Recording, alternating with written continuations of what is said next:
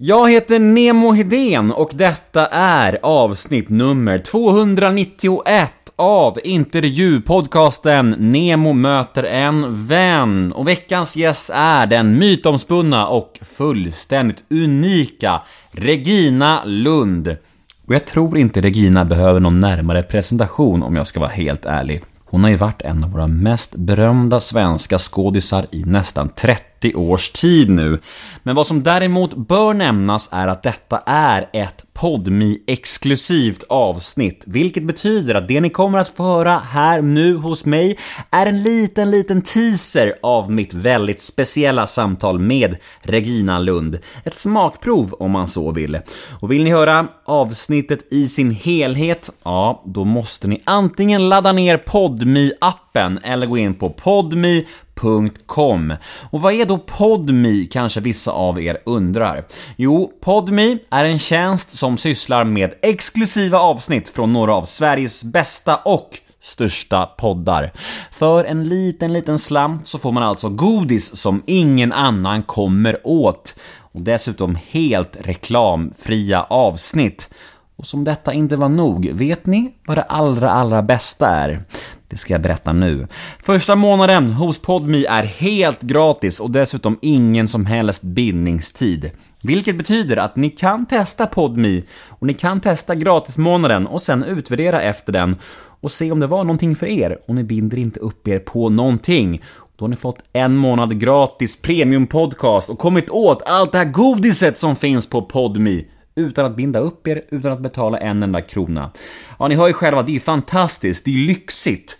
Jag hoppas dock och tror att ni ska bli så nöjda med Podmi att ni fortsätter även efter gratismånaden, men det är såklart helt upp till er. Vad jag däremot tycker är att ni borde prova Podmi idag. Och det här avsnittet, ja, det klipps ju precis som vanligt av LL Experience AB som bland annat gör Göteborgspodden. Och jag heter Nemo Hedén på Instagram och jag finns på min mail nemohedén gmail.com Nu ska jag dock sluta babbla, nu drar vi igång det här ja, ganska så unika samtalet med Regina Lund. Det ni kommer att få höra här nu är alltså en teaser på det snacket och vill ni höra hela episoden, ja, då skaffar ni PodMe nu idag. Nu kör vi avsnitt nummer 291 av Nemo möter en vän, Regina Lund. Rulla gingen. Nemo är en kändis, den största som vi har. Nu ska han snacka med en kändis och göra någon glad. Ja! Nemo, ja det är Nemo. Nemo möter en vän. Vi drar igång då. Nemo möter en vän med Regina Lund. Hej Nemo. Hej Regina. Jag har hittat Nemo. Åh, Ja, det där den, har, skämtet. den har du hört förut. så många Den har jag gånger. hört så många gånger. Och alla har sett Hitta Nemo 750 gånger. Du, ehm, hur mår du just idag, just nu? Jag mår så himla bra. Solen skiner och jag har cyklat i en timme jättefort. Mm. um, det var därför jag var så tidig. Jag blev förvånad själv. Brun och fin. Tack. Ja. Ja. jag är ute mycket i solen. Mm. Eh, Jag älskar solen. Ehm, Jag har haft många gäster genom åren som, som kanske är kända ansikten, eller kända röster, men, eh, men deras namn fäster inte hos folket. Med dig så är det nästan tvärtom jag tänkt på. Att, att du har ju Alltså Regina Lund, namnet Regina Lund är ju liksom, ja men jag ska säga topp 10 kändaste namnet i Sverige. Men jag tror inte att du är topp 10 mest igenkända på gatan, förstår du vad jag menar? Nej. Am I right? Ja, du är helt... totally correct. Du har ju helt rätt. Det finns ju en del kvinnliga skådisar som pratar om det här med eh, åldersdiskriminering, att det blir svårare att få roller upp i åldrarna. Eh, hur tänker du kring det här? För du, du pratar ändå om att eh, utseendet har varit ganska viktigt för dig genom åren och du har liksom, eh, nu är du 52. va? Ja, Ja. jag är 52. Jag tänker att jag önskar att jag var 20. att det är mycket enklare och att det finns absolut åldersfascism. Absolut, det är ju jätte, helt plötsligt, speciellt som kvinna, så är det ju helt plötsligt så stängs ju fönstret. Bara bam. Och speciellt kanske jag då som har varit, eller inte speciellt jag, för alla, men jag har ju varit så mycket sexsymbol och så mycket snygg.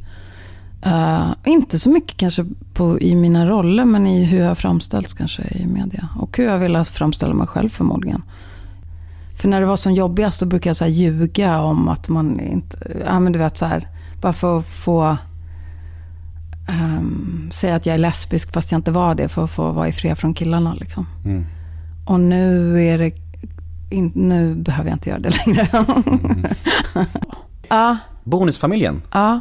Kan du inte berätta om hur du hamnade i den serien och om eh, hur det var att jobba med eh, ja, men, FLX och Felix och gänget och så här. Var, var det härligt? Felix är jätte... Felix och jag, jag hittade precis här om hörn. Jag står ju och målar här på Art Portable på Söder. Och eh, jag fick precis från eh, Malmö, från en dokumentärfilmare som började på en dokumentärfilm med mig, så han hade massa VHS-tejper och skickade tillbaka dem. Och då, det första jag ser är en, en humor, ett, en humor-VHS med mig och Herngren. Um, och det var ju alltså... Äh, det var så kul för det var, det var bara så här helt sjuk scen. Och ha klipp till det här då. Så jag tyckte det var kul när, när de frågade om jag ville vara med. Bonusfamiljen var liksom det första jag gjorde efter, Okej. Mm. efter eh, jag blev friskförklarad 2018 Mm. i april. Det är ganska, det är för inte så länge sedan.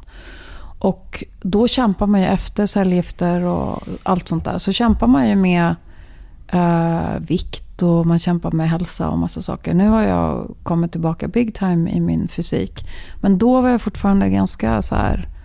Man, man hade mycket trötthet och jag hade precis när jag började, jag hade mycket privat och samma sak. Det är därför jag gli, glider lite på, på Fångarna på slottet. Eh, slottet och Bonusfamiljen. För de två grejerna packade jag ihop lite för att det var... Då, det var en period där jag var mordhotad. Jag var, det hade bränts bilar eh, där jag bodde. Det hade, eh, jag hade varit utsatt för, ja, jag skulle vilja säga brottsliga handlingar. Och det tror jag gick in i de här två produktionerna. Hej Regina, du verkar ha ganska många relationer bakom dig. Hur är du att leva med tror du? Är du svår att leva med? Nej. Punkt. Det var också här borta på eh, Clarion Stockholm som jag fick beskedet. Och ja, men jag föll ihop. Jag blev otroligt ledsen och chockad och paralyserad. Och man börjar liksom så planera för att man ska dö. Jag levde ensam, sjuk och hade så ont. Jag var fascinerad över hur få det var som fanns där när jag blev sjuk. Jag var isolerad i sex år. Jag vägde 90 kilo, var skallig och låg och hade konstant smärta och var ensam. Och saknade allt. Jag kunde knappt överleva. Liksom. Jag var helt utelämnad. Och jag var på Kulturnämnden och sökte något stipendium och de behandlade mig som att jag var sjuk i huvudet. Liksom. De sa, men Regina Lund, du har väl gjort massa plattor? Jag kände som att jag hade kommit till SOS eller något. Ja, Det var hemskt. Alex Schulman har ju mobbat mig genom åren på olika sätt och då ville Breaking News liksom förena oss på något sätt. Jag tycker så här, man, ska, man kan förlåta människor, men man ska inte förlåta elaka handlingar. Man ska inte trilla dit på att hålla på och förlåta ondska.